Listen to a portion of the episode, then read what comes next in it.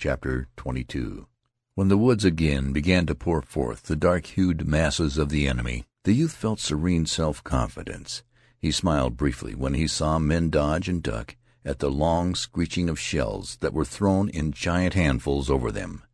He stood erect and tranquil, watching the attack begin against a part of the line that made a blue curve along the side of an adjacent hill. His vision being unmolested by smoke from the rifles of his companions, he had opportunities to see parts of the hard fight. It was a relief to perceive at last from whence came some of these noises which had been roared into his ears. Off a short way he saw two regiments fighting a little separate battle with two other regiments. It was in a cleared space, wearing a set-apart look. They were blazing as if upon a wager, giving and taking tremendous blows. The firings were incredibly fierce and rapid. These intent regiments apparently were oblivious of all larger purposes of war, and were slugging each other as if at a matched game.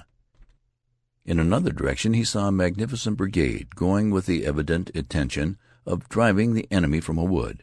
They passed in out of sight, and presently there was a most awe-inspiring racket in the wood. The noise was unspeakable. Having stirred this prodigious uproar, and apparently finding it too prodigious, the brigade after a little time came marching airily out again, with its fine formation in nowise disturbed. There were no traces of speed in its movements. The brigade was jaunty and seemed to point a proud thumb at the yelling wood. On a slope to the left there was a long row of guns, gruff and maddened, denouncing the enemy who down through the woods were forming for another attack in the pitiless monotony of conflicts. The round, red discharges from the guns made a crimson flare and a high, thick smoke. Occasional glimpses could be caught of groups of the toiling artillerymen. In the rear of this row of guns stood a house, calm and white amid bursting shells. A congregation of horses, tied to a long railing, were tugging frenziedly at their bridles. Men were running hither and thither. The detached battle between the four regiments lasted for some time. There chanced to be no interference, and they settled their dispute by themselves. They struck savagely and powerfully at each other for a period of minutes, and then the lighter hued regiments faltered and drew back, leaving the dark blue lines shouting. The youth could see the two flags shaking with laughter amid the smoke remnants. Presently there was a stillness pregnant with meaning. The blue line shifted and changed a trifle, and stared expectantly at the silent woods and fields before them. The hush was solemn and churchlike, save for a distant battery that, evidently unable to remain quiet, sent a faint rolling thunder over the ground. It irritated like the noises of unimpressed boys. The men imagined that it would prevent their perched ears from hearing the first words of the new battle. Of a sudden the guns on the slope roared out a message of warning. A sputtering sound had begun in the woods. It swelled with amazing speed to a profound clamor that involved the earth in noises. The splitting clashes swept along the lines until an interminable roar was developed. To those in the midst of it it became a din fitted to the universe. It was the whirring and thumping of gigantic machinery, complications among the smaller stars. The youth's ears were filled up. They were incapable of hearing more. On an incline over which a road wound he saw wild and desperate rushes of men, perpetually backward and forward, in riotous surges. These parts of the opposing armies were two long waves that pitched upon each other madly at dictated points. To and fro they swelled. Sometimes one side, by its yells and cheers, would proclaim decisive blows, but a moment later the other side would be all yells and cheers. Once the youth saw a spray of light forms go in hound-like leaps toward the waving blue lines. There was much howling, and presently it went away with a vast mouthful of prisoners. Again he saw a blue wave dash with such thunderous force against a gray obstruction that it seemed to clear the earth of it and leave nothing but trampled sod. And always, in their swift and deadly rushes to and fro, the men screamed and yelled like maniacs. Particular pieces of fence or secure positions behind collections of trees were wrangled over as gold thrones or pearl bedsteads. There were desperate lunges at these chosen spots seemingly every instant, and most of them were bandied like light toys between the contending forces. The youth could not tell from the battle flags flying like crimson foam in many directions which color of cloth was winning. His emaciated regiment burst forth with undiminished fierceness when its time came. When assaulted again by bullets, the men burst out in a barbaric cry of rage and pain. They bent their heads in aims of intent hatred behind the projected hammers of their guns. Their ramrods clanged loud with fury as their eager arms pounded the cartridges into the rifle barrels. The front of the regiment was a smoke wall penetrated by flashing points of yellow and red. Wallowing in the fight, they were in an astonishingly short time resmudged. They surpassed in stain and dirt all their previous appearances. Moving to and fro with strained exertion, jabbering the while, they were, with their swaying bodies, black faces, and glowing eyes, like strange and ugly friends, jiggling heavily in the smoke. The lieutenant, returning from a tour after a bandage, produced from a hidden receptacle of his mind new and portentous oaths suited to the emergency. Strings of expletives he swung lash-like over the backs of his men, and it was evident that his previous efforts had in no wise impaired his resources.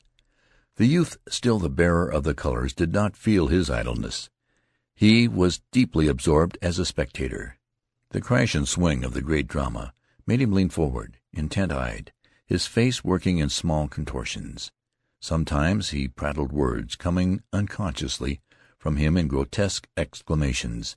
He did not know that he breathed, that the flag hung silently over him, so absorbed was he. A formidable line of the enemy came within dangerous range. They could be seen plainly, tall, gaunt men, with excited faces, running with long strides toward a wandering fence. At sight of this danger the men suddenly ceased their cursing monotone.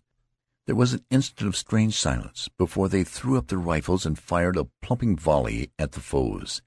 There had been no order given. The men, upon recognizing the menace, had immediately let drive their flock of bullets without waiting for word of command. But the enemy were quick to gain the protection of the wandering line of fence. They slid down behind it with remarkable celerity, and from this position they began briskly to slice up the blue men. These latter braced their energies for a great struggle. Often white clenched teeth shone from the dusky faces. Many heads surged to and fro, floating upon a pale sea of smoke. Those behind the fence frequently shouted and yelped in taunts and gib-like cries, but the regiment maintained a stressed silence. Perhaps at this new assault the men recalled the fact that they had been named mud diggers, and it made their situation thrice bitter. They were breathlessly intent upon keeping the ground and thrusting away the rejoicing body of the enemy. They fought swiftly and with a despairing savageness denoted in their expressions.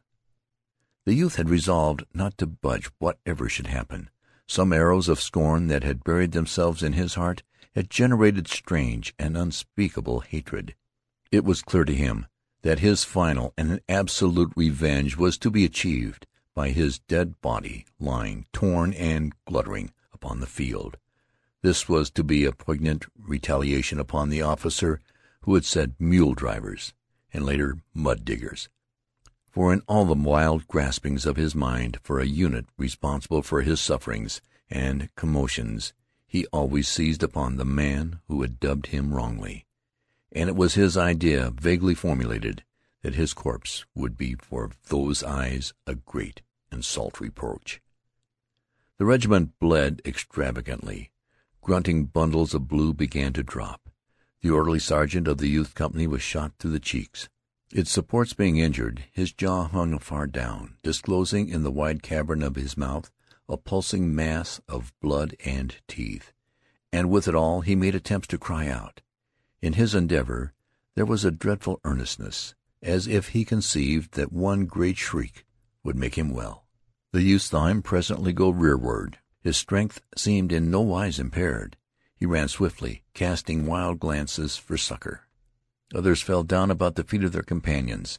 Some of the wounded crawled out and away, but many lay still, their bodies twisted into impossible shapes. The youth looked once for his friend. He saw a vehement young man, powder smeared and frowzled, whom he knew to be him. The lieutenant also was unscathed in his position at the rear. He had continued to curse, but it was now with the air of a man who was using his last box of oaths.